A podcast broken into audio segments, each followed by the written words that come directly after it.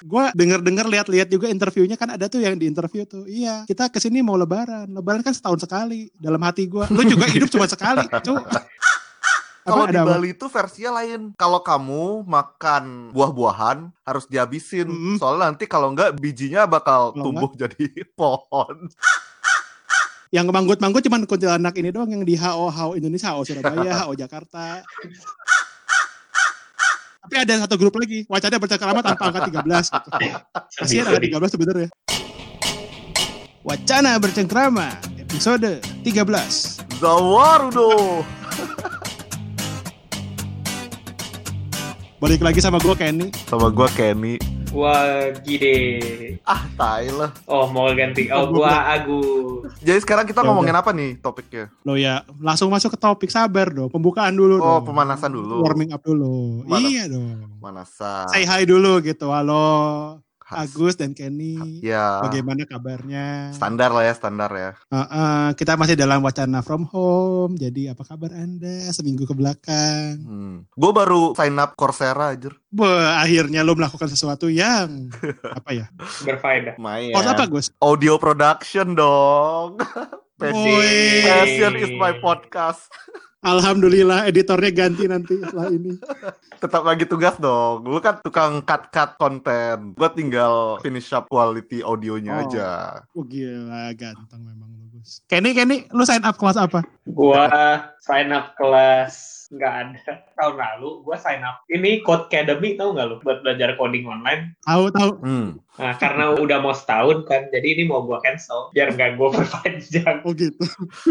Itu ada Oh, gitu. ada ini subscription fee ya gak sih? Mahal gila subscription fee. Ada coy. Berapa, berapa Mahal, ratus dolar gitu Mahal setahun. coy. Tapi lu gak bayar kan so far? Bayar lah. Bayar pertamanya lah. Oh bayar pertamanya lah. Tahun lalu sih gue masih kayak belajar-belajar coding segala macem. Sekarang sih udah Ya udahlah gak apa-apa lah. mau gue cancel. Hitung-hitung lu subsidi Code, Iya. Code Academy ya. Code Academy lu subsidi lah biar orang lain bisa belajar coding gitu loh. Biar mereka Oh. Iya, bisa. lumayan lah. Kalau Berguna sih kalau niat. gitu loh. lumayan lumayan. Tuh. Lihat aja wacana gua Coursera berapa lama. Nanti kita track back lagi At di episode, gua- episode selanjutnya ya. Bagaimana progres Week one gua udah Coursera-nya. gua udah tes week one. Itu berapa week Gus skornya? 8 berapa, week. berapa jam? Tapi kayak free free trial gitu. Bulan. Sampai tanggal 31 gua nggak usah bayar. Jadi ya kalau gua Hmm. bisa finish the course by 31 ya gratis lo gua dapat sertifikat. Mantap juga kan? Jadi kayak teman-teman kalau sekarang mau Nah. belajar mumpung lagi free-free-nya, kalian bisa cek Coursera terus kalian bisa dapat online certificate gitu. Oh kan Coursera tuh ya lagi lagi Ada free free trial, ya, trial free ya, trial gitu. ya. Ini ini ini nggak ada sponsor-sponsornya, Nah, ini cuma sharing good stuff. Gak apa-apa kita latihan. Ini for free aja Coursera for free aja Yo, kita kasih Coursera. promo. Promo gratis. Mantap. Nah, gue jadi minder anjir. Lu sign up Coursera. Kenny Code Academy-nya mau di cancel. Berarti dia udah pernah belajar. Gue sendiri sign up. Yo. Waktu itu udah sign up belajar JDJ, Wat. Iya anjir, pakai uang papa. Gue minggu ini sign up sesuatu. Gue inget. Apa fu? Gue sign up akun TikTok. Gue link ke. Facebook. Aduh. Lu lu mau bikin joget-joget mau muda gitu ya gitu ya? Masih nggak tahu sih. Kontennya gue ada kepikiran di pala gue. Cuman kayak mager banget. Gue mau video, ngedit-ngeditnya tuh males Gak gitu. usah lah.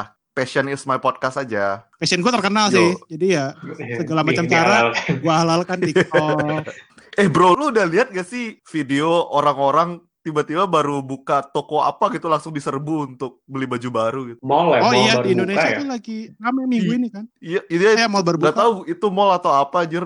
Anjir baru buka langsung semua masuk. Rame banget kayak satu kecamatan anjir. Bukan baru buka, baru buka soft opening kan. Maksudnya baru dibuka Iya, lagi. Iya, iya, iya. Nggak ngerti lah gue di Indonesia ini udah pusing gue. Kan udah muncul tuh hashtag Indonesia terserah tuh. Ya gue juga udah mulai terserah lah. Pendek aja gimana opini lu tentang attitude orang-orang Indo selama COVID ini? Kayak bocah aja susah dikasih tahu gitu. Gue denger-denger lihat-lihat juga interviewnya kan ada tuh yang di interview tuh. Iya kita ke sini mau lebaran. Lebaran kan setahun sekali. Dalam hati gue. Lu juga hidup cuma sekali. Cu. Ya kan itu tradisi mereka lah. egois lah. Iya mereka tuh cuma segelintir orang yang bodoh amat sama Hmm. virus. Padahal itu impactnya tinggi ke kita dan kita yang sudah berbulan-bulan di rumah ini ngapain selama ini? Buat apa gue di rumah selama Ya ini? memang memang begitu sulitnya Itu loh. kalau mau praktekin karantina skala besar itu kalau orangnya susah dikontrol ya sama aja bohong sih gue bilang. Ya hopefully impactnya tidak terlalu banyak. Cuma gue kemarin lihat ada post apparently salah satu kasirnya udah ada yang positif corona. Iya, iya. bener bener bener bener bener bener. Panik ya udahlah natural selection at its best aja dan kayak minggu ini lah minggu seminggu kebelakangan ini tuh entah kebetulan atau tidak positif tertinggi di Indonesia tuh di ada di minggu ini Kemarin kan? Gak Iya, kemarin, kemarin. pas episode ini direkam ya. Kan pasti kemarin. menurut lu sendiri gimana Gus pendapat karena lu mungkin di Singapura nggak terlalu kerasa kan impactnya tapi kalau lu ya lihat susah dari sih soalnya sisi gue sisi cuma lu sebagai jadi audience ngelihatnya dari sosmed dan beware sosmed juga Nah. kadang-kadang ada agenda-agenda juga loh menurut gue kalau ngelihat da- nggak langsung dari Indo sih kayak nggak fair untuk berkomentar sih suara lu role penting di sini jadi komentar lu apa? komentar gue ya ya ya udah natural selection aja ya orang-orang kayak gitu eh Kenny belum ngomong Kenny Tanggapan tanggapannya apa? gimana Orang-orang pada bandel. iya Ya udah. udahlah, biarin aja lah. Mati-mati loh. memang attitude, attitude kita emang sama ya Ken ya Habis gimana ya maksud maksudnya sebenarnya lu udah dikasih tahu kagak gak dengerin terus dibilangin juga susah. Ada ada video itu ya apa bapak-bapak disuruh satpam pakai masker malah satpam dipukulin goblok. Ya gimana ya udahlah ya yang waras tetap waras yang tidak waras kalau nggak didenda emang nggak bisa sih Ya emang I think mungkin pemerintah harus melakukan apa ya kebijakan yang nggak populis sih kayak harus berani menghukum gitu loh. Soalnya so far kayak nggak ada efek Iya jerahnya sih. gitu. Kurang tegas Tapi aja lucunya so far. kalau kurang tegas setuju gua. Di sini lu tahu nggak sih ada video-video yang menteri-menteri itu nyanyi biar orang-orang pada nggak mudik. Orang Indo itu aduh dibikin kayak gitu mah diketawain anjir. menteri nyanyi Iya, ada menteri-menteri nyanyi gitu. Jangan mudik, jangan mudik. Apa gitu gue lupa. ya mereka Kenapa lu mesti nyanyi instead of lu bikin satu hukum yang, keluar, yang lumayan Iya, keras iya. gitu. Denda Kayak di apa Singapura I think gitu. dendanya minimal 10 juta deh kalau ketangkap nggak pakai masker ya. lagi jalan Nggak keluar pakai nggak masker pakai ya? Yang masker didenda Ya actually gua gua sempat turun lupa pakai masker anjir. Kalau turun gua. lupa lupa pakai masker, lu lari aja Gus. Soalnya kalau orang lari kagak perlu pakai masker di Singapura kan. Oh, iya bener. Lu bawa Iya. olahraga aja bener. gue langsung lari ke atas gitu kayak what the hell untuk sharing aja di Singapura ya banyak orang yang ketangkep ngelanggar ya mereka dapat hukumannya lumayan berat gitu loh kenapa di Indo nggak mulai seperti itu sih harusnya udah mulai dari dulu dulu ya demi kebaikan bersama juga Kita for the best aja. Gue masih percaya sama government kita. sip lah sip lah semoga government can find the best solution Nah lu tahu nggak Gus? Gue berita-berita tadi dapat tahu. dari TikTok. Eh. TikTok bisa bisa sharing berita nih Bisa coy. Gue kira Ya, TikTok ya tempat itu tempat level orang joget-joget bening-bening aja. TikTok tuh sekarang jadi sumber media gue pertama gitu. Gue kayak tahu banyak hal dari TikTok. Gue tahu lagu baru dari TikTok. Gue tahu berita gitu dari TikTok. Terus satu sih yang kemarin gue sempat Hmm. lihat. Ya gue menyayangkan juga sih ini mental Indonesia lagi balik lagi ke mental. Kita orang Indonesia juga by the way. Gue mau Yoi, mengkritik secara holistik. yoi, ya, yoi. dia nggak membeda-bedakan. Gitu. Orang Indonesia tuh menurut gue rasisnya tuh masih parah ya. Parah banget sih. Kenapa tuh? Gi coba coba di explain. Ini gue tuh lihat tuh ada satu tiktoker lah ya dia suka ngepost dia muncul di for you page gue eh, dia nggak tahu gue nggak tahu dia orang mana gue nggak nggak research further cuman dia Indo Chinese kayaknya dia udah lama kalau nggak salah tinggal di US apa di mana gitu dia pacaran sama ini sama orang ya sorry niga gue susah Oh, mengungkapnya gue susah iya, Hitam. terus dia ngepost ngepost gitu kan kayak boyfriend my Hmm. boyfriend apa segala macam dia post ke Instagram tuh banyak banget yang mencaci maki pacarnya padahal pacarnya nggak ngapa Caci maki ngapain? Ya karena cowoknya caci maki cowoknya rasis hitam. kayak Hah? iya kayak kayak kayak gak ada orang lain aja gitu kenapa pacar-pacaran sama dia Oh. gitu gitu gitu gitulah what the fuck cewek itu sampai bikin video klarifikasi gitu loh kayak what's wrong with pacaran dengan black Americans gitu orang tuh kalau pacaran sama bule tuh kayak disanjung-sanjung lah ih dapet bule hebat cakep anaknya masih cakep gitu-gitu gimana tapi kenapa kalau yang satu ini walaupun rasanya beda juga pandangannya tuh beda mental juga, gitu. dijajah gitu kali. Gak ngerti gue pokoknya kayak what the fuck kayak what's sekarang wrong di with him US gitu. tuh lagi dia tuh loh. baik, Orang gimana-gimana. cewek-cewek white Americans now they are looking for black men gitu loh. Iya, makanya kayak what's wrong? Iya. Apa yang salah dengan itu gitu. Nggak ada yang salah. Orang orangnya juga baik. Yang pacaran juga bukan lu Once gitu. you go black you cannot go back. Cannot go back. ya itulah, pokoknya intinya TikTok tuh jadi Mantap. sumber berita gue sekarang. Ada berita lain Kenapa? lagi? Yang menarik lagi menurut gue nih, kayak ada yang bikin konten lucu sih, konten lucu tapi tentang itu, pamali-pamalian gitu deh. Pamali ya. Pamali apa tuh? Apa ya, dia tuh ngepost kalau nggak salah tentang lies that my mom told me when I was young. Gua hampir salah kepikiran aja. Lo bikinnya apa coba gue? Coba boleh boleh didiskusikan coba. Never mind, never mind. Jadi lies that his mom told him about Pamali. Contohnya, lo kayak waktu masih kecil sering gak sih nyokap lo ngomong itu kalau makan dihabisin, jangan dibuang ke tempat sampah. Nanti malam kalau itu nggak dihabisin, nasinya berubah jadi gede, kamu dicuci. Gue gak pernah. Pernah nggak lo? Kalau Apa di? Bali itu versinya lain. Kalau kamu makan buah-buahan harus dihabisin. Mm-mm. Soalnya nanti kalau enggak bijinya bakal Kalau tumbuh jadi pohon. Dihabisin, Ya, ya bener, dihabisin toh. juga biji kalau ditanam tuh menjadi pohon. Itu bukan pamali anjir, itu fakta. Itu science aja. Terus ada lagi yang relate sama gua tuh dulu oma gua tuh almarhum oma gua pernah ngomong, jangan buka payung di dalam rumah. Oh iya iya. Ntar sebelah kamu ada singa. gue pengen nanya sekarang gitu, Mak, hubungannya apa payung dengan singa di dalam rumah? Emang- gitu. Emang singa tertarik sama payung gitu kalau ada payung. Wow. Oh beda sih. Gua Sangat gua kalau yang gua muncul. punya sih kalau buka payung di rumah ntar bisa kesambar petir. Nah, itu lagi. At least versi lu lebih lebih make sense kan. Gak make sense make sense juga sih. Gak bisa juga. Cuma ada relasi ya kan payung sama petir. Itu- hujan.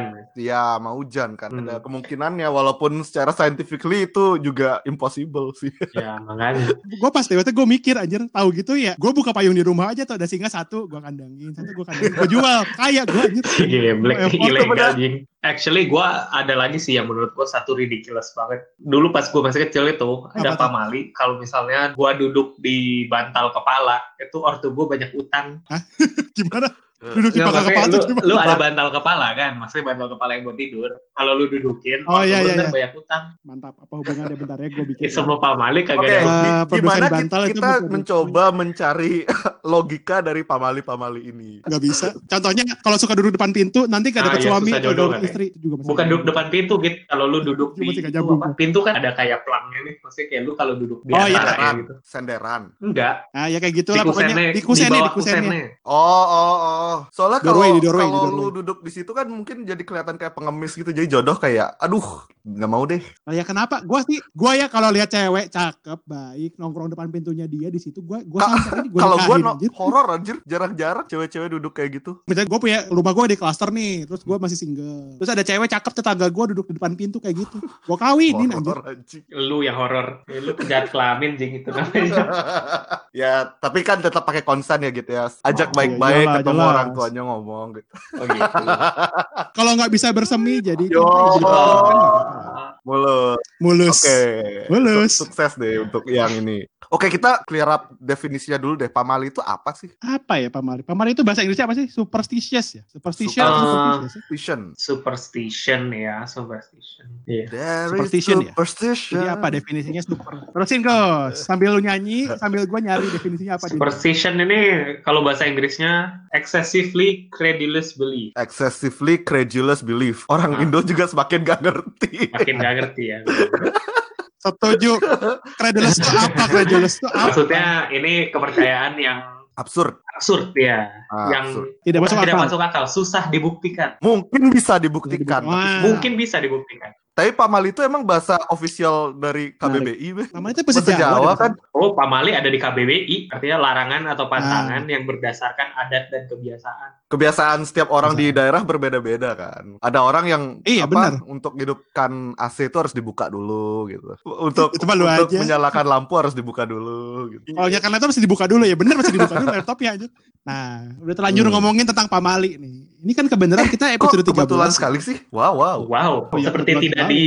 Oh, mantap. Rencanakan sama sekali. direncanakan Wow. sama sekali. Luar biasa, Betul. luar biasa. Kita visioner Iya, sekali memang ya. Memang. Luar biasa. Ini tuh superstition yang paling menurut gua sih paling rame sih di dunia tentang angka 13. Kenapa ya? Angka 13 tuh keren kali. Yoi. Menurut gua juga keren. Cuman di mana-mana tuh kayak kalau gua sering ke hotel, Lu sering gua ke hotel ya, bilang Git? ke mana gitu. ya sering lah. Lu nggak pernah aja sih. Suka, suka ngejudge orang, ya, orangnya gitu. Oke, terus terus terus. Gue ke hotel nih, gue masuk lift ya. Gue nyari angka 13 tuh gak ada. Mungkin bangunannya cuma 12 lantai kali. Ya kagak. 13 tuh gak ada. Biasanya langsung 12 atau 14. Kalau nggak di beberapa mall itu 12 sama 12A. Bisa gitu ya? Abis itu langsung 14 Bisa gitu, ya? Itu ibaratnya tuh apa Abis ya? 12. Langsung 14, 12, 14. Cuman di beberapa negara, dulu waktu Hmm. itu gue pernah ke Cina, 1, 2, 3, 5, 6, 7, 8, 9, 10, 11, 12, 14 yang gak ada. Hmm, juga. serius? Langsung 15. Orang yang bilang orang langsung Cina jago belas. matematika sebenarnya enggak juga. Technically mereka lumayan pinter sih. mereka pakai pola gitu loh. Oh, iya, itu Arithmetic IQ test itu progression. Arithmetic Bilangan prima semua itu. gitu. Itu pakai Fibonacci, Fibonacci, kalau Iya. tahu. Oke, jadi 13 tuh ya di beberapa negara tuh kayak gak dianggap macam ini loh, macam anak bawang gitu loh. Cuman kayak banyak yang sirik sama dia deh, makanya dikacangin gitu. Kalau misalnya kayak anak kecil gitu ibaratnya ya, angka 13 tuh yang gak pernah Hmm. diajak main. Terus kayak dikacangin kalau diajak main ya, kau pikir pinggir aja ke pinggir ke pinggir. Kalau udah dewasa, mungkin beda Oh, lagi skenario nya. oke. Ada grup WhatsApp nih gede misalnya, grup kita deh, grup wacana Iya. bercengkrama gitu. Ada dianya, tapi ada satu grup lagi, wacana bercengkrama tanpa angka 13 gitu. Kasihan angka 13 sebenarnya, Oh, kasihan banget gue, lihat sedih banget. Ya gimana? Angka 13 tuh mungkin sebenarnya orangnya baik tapi kadang-kadang nggak asik jadi nggak diajak gitu ya. Aduh.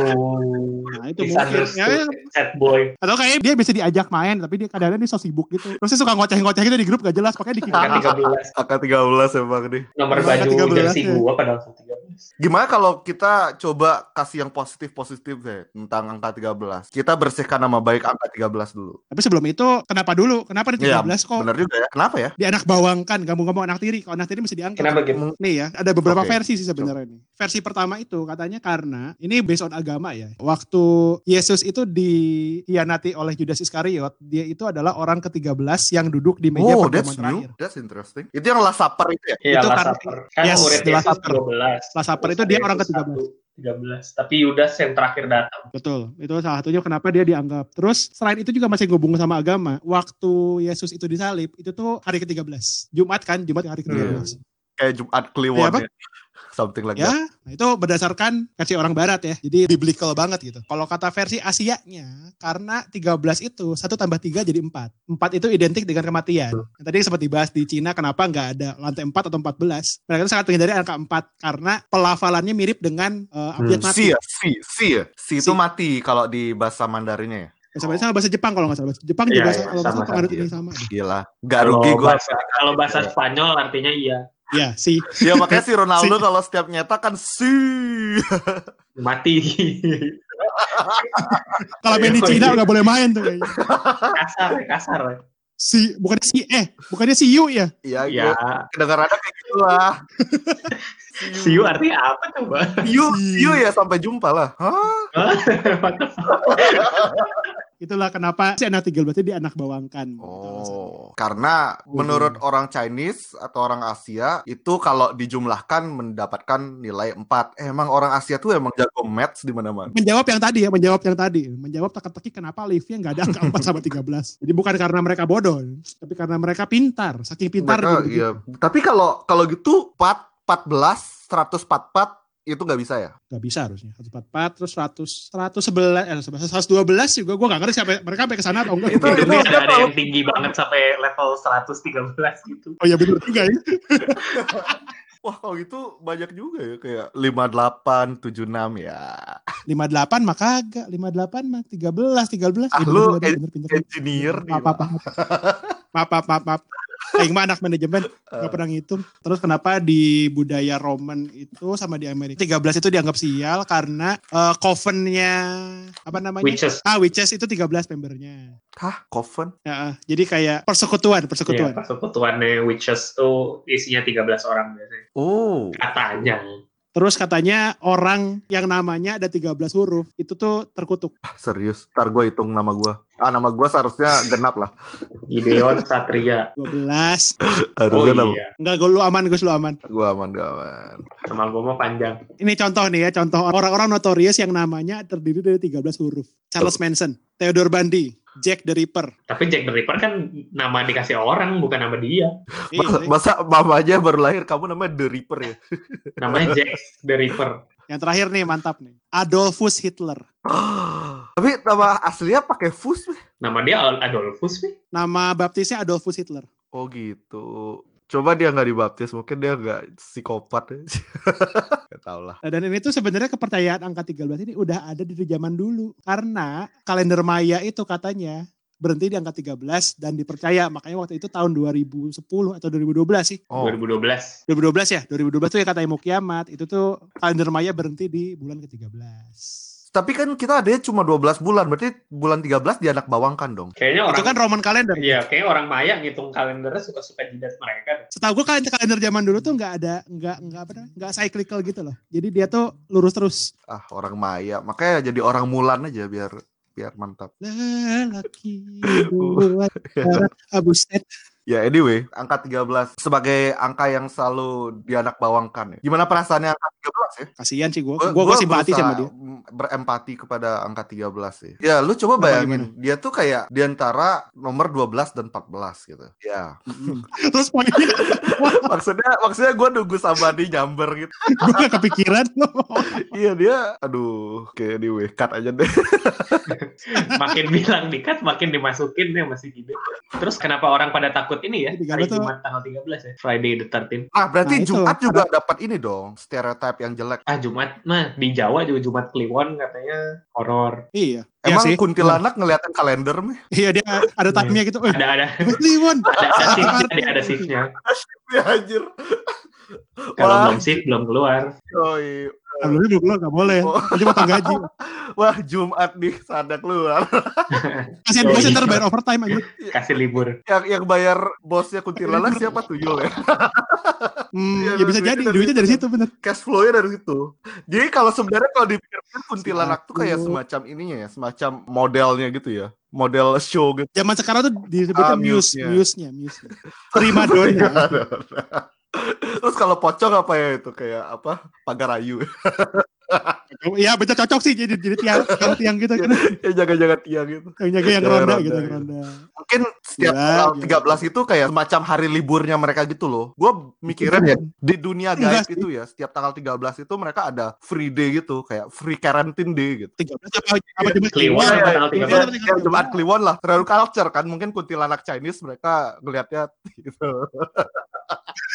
Kuntilanak Eropa gitu kali ya. tanggal 13. Ke kuntilanak Chinese ngelihatnya 4. kalau orang orang barat itu tanggal 13 tuh lebih ke sial apa lebih ke horor sih gitu sial ya Iya sih, Sial. bad luck sih sebenarnya. yang horor Yang Indo doang ya Indo doang, emang Indo mah semua dihoror-hororin. Padahal ya sebenarnya ini kita ngomong ini tuh kuntilanak yang di Bern gitu, kuntilanak yang di Stockholm tuh kayak apa sih ini? Iya, kuntilanak cabang Stockholm kayak ini mah gak ada apa-apa ya. iya, kayak kuntilanak London gitu kayak beda hari apa hari sih liburnya beda gitu kayak di Beda. sini kan beda merayakan ya? hari raya apa di sana nggak ada hari rayanya Yang manggut-manggut cuman kuntilanak ini doang yang di HO HO Indonesia, HO Surabaya, HO Jakarta, HO Pontianak, HO Denpasar. Kalau bulan Ramadan itu kan mereka dikunci ya. Iya benar-benar dikunci apa lagi bebas sih? Kunci. terus malah bebas sih Enggak, Idul Fitri aja berbebas gimana? Nah, tapi lu ngomongin bebas-bebasan sesuatu. Kalau di barat kan di Halloween tuh tanggal 31 Oktober. Nah, sama Oh, kan 13 di barat. Iya. Lagi Iya. bangsa. Ah, Bener, bener, bener, bener juga. Kalau 31, 31 13 oh, bener juga. ya. Oktober itu 10 tapi 10 31 kali 1 gitu ya. Kan ah, 1 bener, tambah obat 0 nol. 1. Jadi 31 kali 1 masih 31 tambah jadi 4. Mantap. Memang Oh. ini, ini bener-bener Hmm. fenomena yang menarik sekali sih gue lihat. Parah, Ini sekali parah, parah, keren, parah, keren, parah. Keren, keren. Angka 13 itu banyak ini ya, intrik gitu. Lu takut gak gue sama angka 13? Kayak takut keluar lah atau takut sial Gua- lah.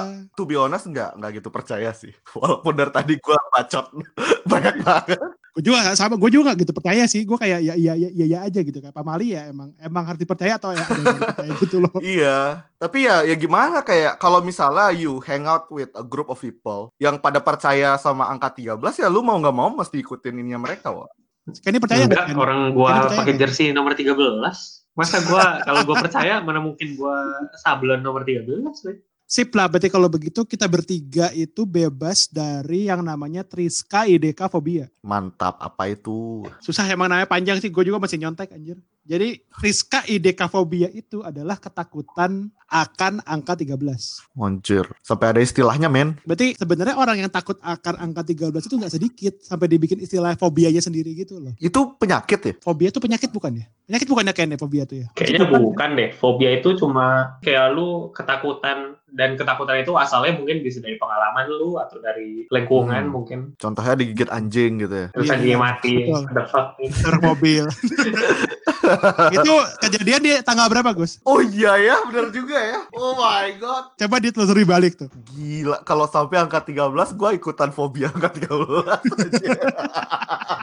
Gila. Sorry, Tapi sorry. banyak, banyak banget orang-orang yang takut tanggal 13. Orang terkenal juga. Katanya kalau yang dari gue Google sih katanya Stephen King takut angka 13. Gila. Franklin Roosevelt takut 13. Napoleon sama Mark Twain juga takut cuma angka 13. Kalau dia mau perang gitu kayak dia ngelihat hari Ngeliat baik kalender. tanggal kalender. Duh, 13 Hmm. kayak gak bagus gak nyerang. Oh. Seorang Napoleon, men. Emang apa sih sebenarnya superstition itu dibikin buat apa? Setahu gua ya, bahkan atlet-atlet itu banyak yang percaya sama superstition. Entah kenapa. Apa itu ada pengaruh sama performa mereka gak sih? Kayaknya sugesti nggak sih? Lebih ke sugesti Iya, nggak sih? Pengaruh Kayak kalau mental, mental. kalau kayak dari Lu- pertama aja lu udah ketakutan, ya lu nggak akan Hmm. perform menurut gua. Lu tahu nggak kayak banyak atlet-atlet ini gue baca entah siapa gitu. Kalau mau masuk lapangan, mereka memastikan yang pertama kaki pertama yang menginjakkan rumput itu kaki misalnya kaki kiri atau kaki kanan gitu. Kalau misalnya enggak, itu mereka merasa bakal kurang bagus uh, performanya gitu loh. Semacam superstition kayak gitu, lumayan menarik. sih. Atlet ya. Kalau lu ngomong-ngomong atlet ya, sebenarnya 13 tuh gak jelek-jelek amat karena banyak atlet jago yang pakai nomor 13. Yoi, Iya bener, bener bener. Contoh Steve Nash main basket Hmm. 13. 13. James Harden main basket. James Harden yang jenggotnya panjang gitu gak sih? Iya, yang kayak jamet. Kalau tinggal di Indonesia masih dibilang jamet. Gila kasihan banget ya kalau lagi main itu kayak gerasa gerusu jenggotnya ngalangin mata musuhnya gitu anjir. Nah, terus ada lagi nih dari cabang olahraga berbeda, dari rugby, Odell Beckham Junior. Oh, dia pakai my God. 13. 13 Odell Beckham Junior. Si Odell itu ada hubungannya sama si David Beckham? Kayaknya nggak ada. atau sama si David Beckham? tapi gue gak tahu kenapa dia main Beckham tapi dia main football. Football American football, bukan football yang ditendang gitu, bukan sepak bola. iya, football Amerika tuh aneh banget anjir. Itu mereka dipegang buat bolanya kok dibilang football sih? Gak tahu itu orang Amerika memang Orang Amerika aspirasi dunia. Orang bikin sentimeter, milimeter, nope, I'm gonna use feet inch. Anjing lah. Terus ada lagi atlet kesukaan gue, Alessandro Nesta. Gila, legenda, legenda. Nah, dan menariknya, angka 13 itu kalau di Itali tidak dibilang membawa sial, justru membawa keberuntungan. Ah, Kenapa dia dibilang lucky number? Karena mereka tuh pronoun 13 tredici. 3DC. Kalau misalnya lu di kasino tuh ngomong tredici itu berarti lu bakal hit the jackpot. Di Menarik. Itali yang sial itu ya 17 ya. 17. Emang ada ceritanya gitu? Kenapa tanggal 17? Enggak ya? Somehow. Katanya itu kalau apa angka Roma 17 itu anagramnya apa fiksi ya kalau nggak salah ya. Gitu. Eh 17 tuh berarti apa sih? 17 berarti kayak X, X, V, XPII ya? XPI kan? kalau dibalik anagramnya VIXI itu Oh, artinya fiksi. Apa I have lived ya. Kalau dibalik jadi I'm dead. Anjir. Oh, oh gitu. Anjir, benar juga orang Itali jenius-jenius banget. Cocok logi juga orang Itali. Actually di Jepang juga 13 itu good luck Oh, ya? bukan bad luck. Itu tuh karena 4 tambah 9 kan. Katanya sih Yon NQ, tapi gue nggak ngerti ini apa artinya anjing. Iya. Gua kira 13 tuh san, sanin apa gitu. Sembilan sembilan itu dari mana gitu? 4 tambah 9. Mantap, mantap, mantap. Gila. Today I learn. TIL. Mantap ya? Mantap, mantap. Ini kan tadi kita terakhir bahas tentang olahraga nih. Kan tadi dibahas banyak atlet yang berprestasi pakai angka 13. Oke. Dan sekarang pertanyaan pamungkas gua adalah, coba lu bikin starting 11 sepak bola versi lu sendiri dengan semua pemain yang pakai nomor punggung 13. Anjir. Gue mesti research kepala gua dulu nih. Yo, totally kagak prepared gue Ji. Iya, weh. Shit. Parah Lu- ya, sama gue juga. Lu pertanyaannya nggak considerate aja. Gue harus menggali-gali library kepala gua. Ntar ya Ini gua, namanya out of the box. coba gue lihat out of the box. coba gue lihat history WhatsApp gue. Gimana kalau enggak lu dulu gitu? nah, karena gue yang nanya, ya gue mempersiapkan jawabannya lah. Yo. Gua itu akan datang dengan formasi 4-3-2-1 Formasi pohon Natal. yang dipopulerkan oleh Carlo Ancelotti di zaman kemasan Milan 2003-2004. Itu yang menang Liga Champions ya? Iya, menang Liga Champions lawan Juventus di final. Adu penalti. Sip. Sip. Kiper gua, Jan Oblak. Hah, dia nomor 13 ya? Dia pakai nomor 13 di Atletico Madrid. Gila. Nomor satunya nggak ada gitu. Nomor satu siapa cadangannya? Gue lupa. cadangannya kayaknya. Sedih banget. Siapa namanya? Gue lupa. Kiper cadangannya. I will get the number one. Yup, enjoy the bench. Gila, Oblak Nah, ini itu tuh- kayak udah the best goalkeeper in Europe or in the world ya. Entah save rate-nya atau consider rate-nya gue lupa yang paling bagus. Hmm. Consider rate-nya kalau salah. Bek kanan. Bek kanan gue akan pakai Maicon. Maicon apa Maicon. kabarnya anjir? Pensiun. Bukan masih di Roma ya? Atau udah enggak sih? Sampai kan main di Roma. Kayak udah Iya, udah udah di- nggak ada. Udah enggak ada Masih ya? ada masih hidup. Iya. Kalau udah nggak ada namanya almarhum Maicon aja. Maicon pernah join City tahun 2012, baru tahu gua. Iya, iya, iya. Pernah, pernah, pernah, pernah. Cuma nggak kelihatan. Kalah sama siapa ya dia? Kalah sama itu Walker eh iya ya. Iya, Walker ya? Iya. Walker 2012 udah di City. Memang City emang nggak memorable. Hah? Sensensi sekali. Lanjut, lanjut dulu, lanjut dulu. Bek kanan Untuk ya. back tengah. Back tengah dulu. Ini back tengah apa? Kanan, Back tengah. kanan atau kiri? Eh, enggak langsung. Gue back tengahnya karena sejajar. Gue akan pakai langsung dua mil, duo Milan nomor 13. Unjui. Alessandro Nesta sama Alessio Romagnoli. Romagnoli mantap. Romagnoli. Romagnoli kapten kan? Kapten. Kapten. Nesta, Nesta pernah jadi kapten ya? Enggak ya? Nesta kalau Maldini nggak main kapten. Gila. Salah. Vice, vice. Kalau Maldini sama Ambrosini nggak main kapten. Ganteng emang. Sekretaris, sekretaris. Untuk back kiri, back kiri, back kiri, back kiri gue Alexandro Juventus. Alexandro. Midfielder tengah gue, gue nggak main pakai anchor. Gue nggak main Nggak pakai main. anchor. Lu lu pakai apa? Pakai Zoom. Tapi gue rekaman pakai anchor. Mantap anchor. Tanpa anchor kita nggak bisa podcast. Nggak. Respect. Gratis lagi pak anchor ya. Makanya yang mau podcast Iya. download anchor ya. Oke, midfielder tengah gue, gue akan pakai Michael Ballack. Balak bro, ganteng banget.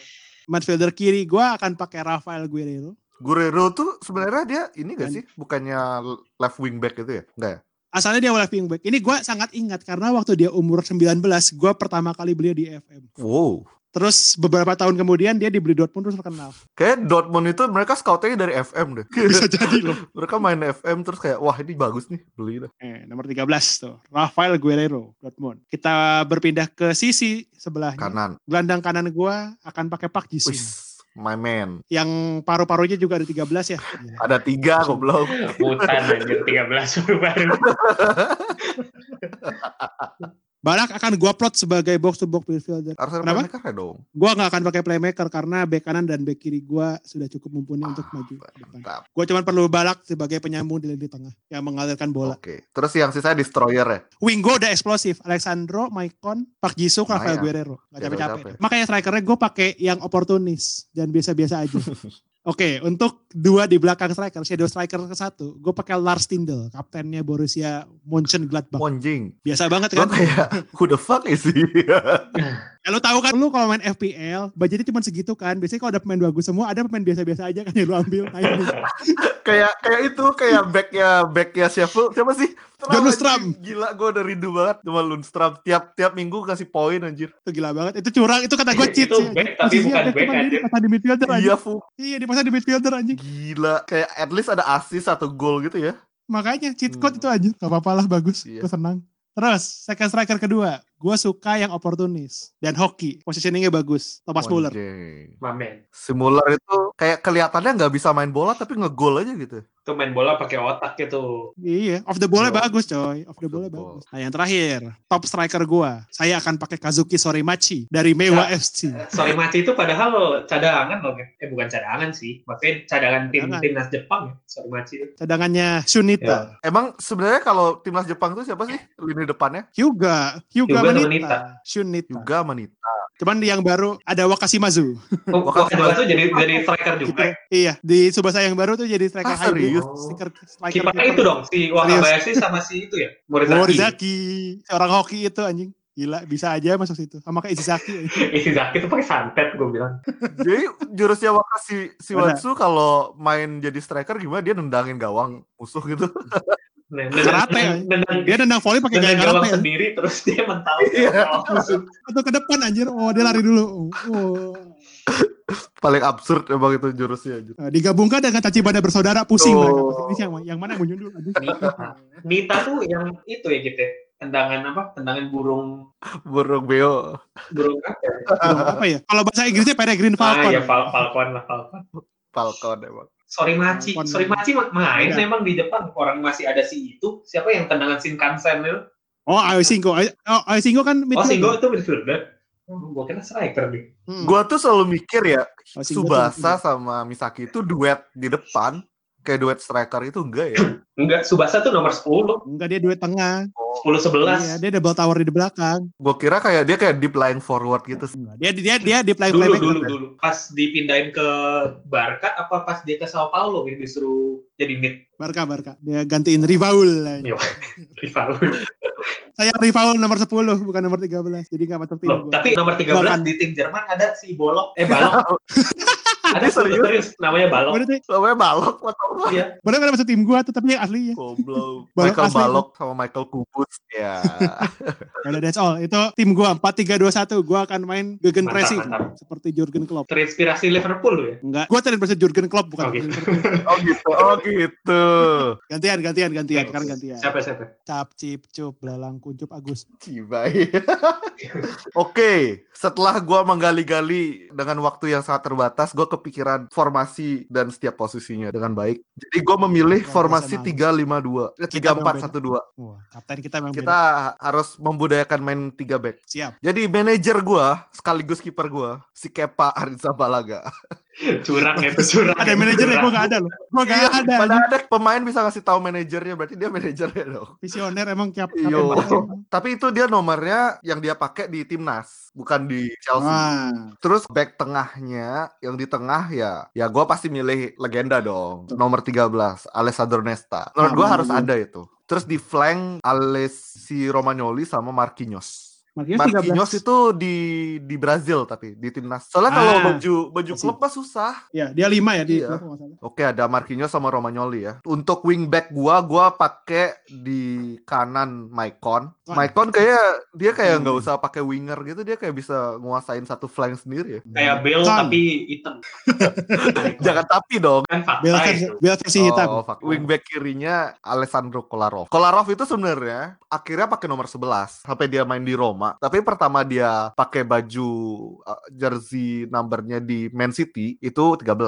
Tapi kayak dia merasa sih. kurang ini kurang hoki terus dia ganti 11. Oh ya, tadi mungkin dia kena itu ya, fobia apa D, tadi sebut D, namanya? apa? Tri Tri- Tri Triska Triska IDK fobia.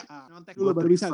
Itu gua udah udah gua taruh dua flank wingback ya. Di tengah gua pakai dua apa? Dua mesin yaitu Balak dan Pak Jisung. Bisa Gak habis bisa habis itu. Jadi kayak di tengah udah ada dinamonya di di belakang solid dan Romagnoli itu termasuk ball playing defender ya gitu. Yo. Iya benar. Jadi Betul. kita nggak perlu playmaker juga strategi ya. Bisa langsung playmakernya dari uh, lini belakang. Tiki taka. Tiki taka kaki. Oke, terus gua nyontek dikit.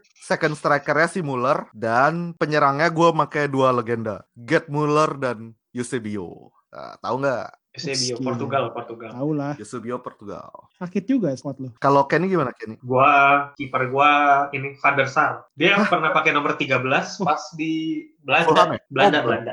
Oh. Belanda ya? Debut dia di Belanda dia pakai nomor 13. Abis itu kagak pernah dikasih nomor 13 lagi. Sebenarnya kalau kiper tuh harusnya nomornya 12 kali. Kan Kiper. logically gitu. Ya abis Oh, iya abis sih. 11 sih. Bener-bener. Iya. 12. Ya nggak tahu dia pengennya 13. Ya mungkin dia percaya angka 13 membawa keberuntungan. Nah, dia tidak Triska IDK Yo. fobia. Oh jing udah apal gua. Mantap. Tri- Trisam. gue sebenarnya kalau dipikir-pikir formasi gue nih terinspirasi dengan si Ferguson ya. Kalau gue ngelatih MU kayak gue bakal kayak Ferguson juga. Mantap. Mantap. Jadi empat, klasik 4-4-2 sih, kipernya Van der Sar. Terus back gua pas gua cari back-back nomor 13 yang jago-jago tuh back kanan semua. Jadi back gua back kanan semua. Jadi terserah mereka lah. Yang mana mau di kanan, yang mana mau di kiri. Ya, back gua ada Gary Neville, back kanan. Hah? Dia pernah pakai 12? Pernah pakai nomor 13. Baru tahu gua MU, juga. Awal-awal karir dia. Terus back kedua gua si Paul Parker, back kanan juga. Dulu di MU. MU kan? Iya, nomor 13. Terus back ketiga gua Danilo, Danilo Juve. Back kanan juga. Terus back keempat gue si Rafina. Rafinanya Bayern. Goblok. Back kanan juga. Jago-jago semua, tapi back kanan semua. Ya nggak apa-apa lah, yang penting jago. Semua semua ditumpuk Iya. kanan ya. Atur-atur Jadi kan bisa ngemak Ronaldo gitu. Yoi. Cristiano. Terus back-back ini semua, udah back kanan semua, good with the ball, bisa bisa ngegocek orang, bisa ngumpan, bisa maju-maju juga anjing. Ya, Jadi ya benar benar benar benar. jadi midfielder gua mah pulang iya. aja nih ngopi. Back gua udah imbang ada. Yo. Terus eh, tengah-tengahnya gua Andre Kanchelskis sama Pak Tisuk. anjir, kalau gua, gua udah lama banget.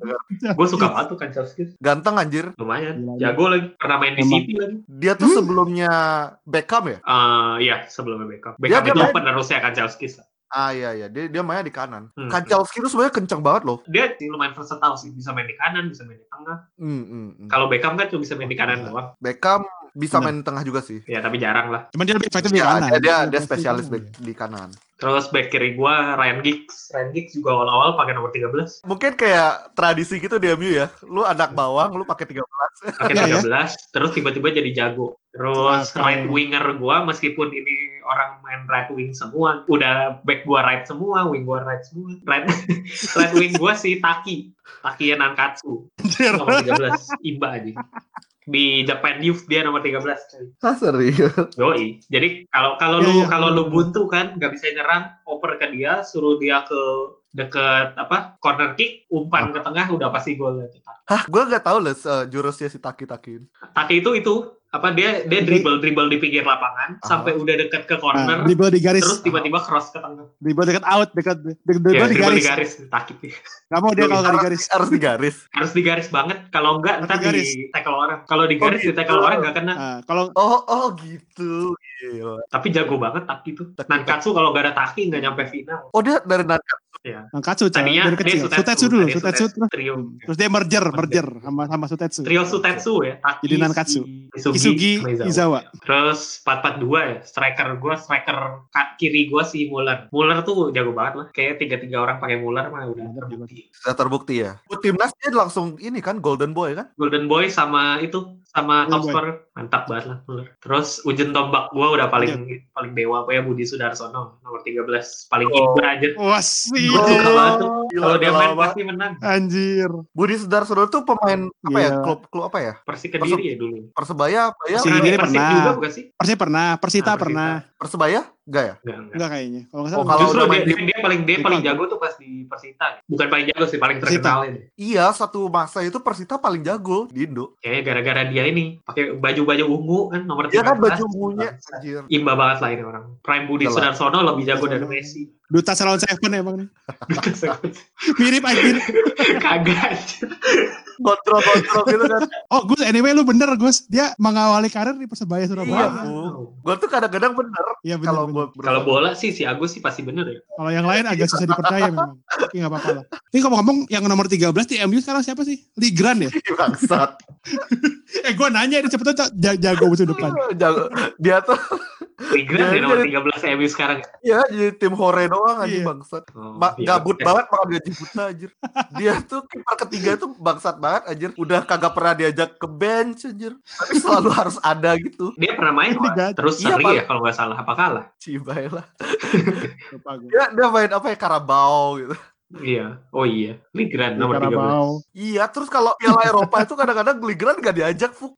Ya, yang diajak Kasian. tuh si Emang- Joel Pereira, bangsat. Kiper keempat. Emang Gligran ini gak Si Solskjaer kayak eh bentar lagi pesawat kita udah mau berangkat tapi jangan bilang-bilang Migran ya. Iya. Itu kan bener kan? Anak bawang Bener ya kan ini nomor gua? 13. Iya, Eh, cocok kalau lagi. tapi dia paling tua. Nah, 13 itu di klub. ya gak apa bukan perkara tua aja perkara nomor 13 itu loh. Ini bener nih kalau di grup WhatsAppnya MU gitu kan MU.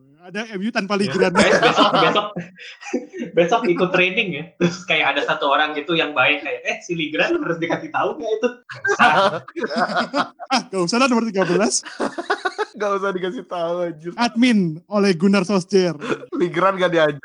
Ada grup Manchester United full team. Terus ada grup satu lagi Manchester United full team tanpa Ligran. Aduh. Oh, I wish itu nomor 13 tuh bukan Ligran, Jesse Lingard. 14 anjing bangsat. ya hampir satu dia. Iya, anjing satu bangsat. Ada lagi grup yang gak ada Lingardnya pasti. ada ada grup yang nggak ada apa Ligran dan nggak ada Lingard dan Ligran. Ya itulah akhir pembahasan kita dari episode 13 ya. Ini jadi episodenya mau dinamain 13 apa 12A nih? 12 aja lah. Hmm. 12 aja lah ya biar lucu ya. Kita sok-sok percaya gitu sama superstition. Jadi akhir kata Believe what you want to believe, asik. doang. Kalian kalian nunggu nunggu punchline-nya ya? Iya. Iya gue nunggu aja.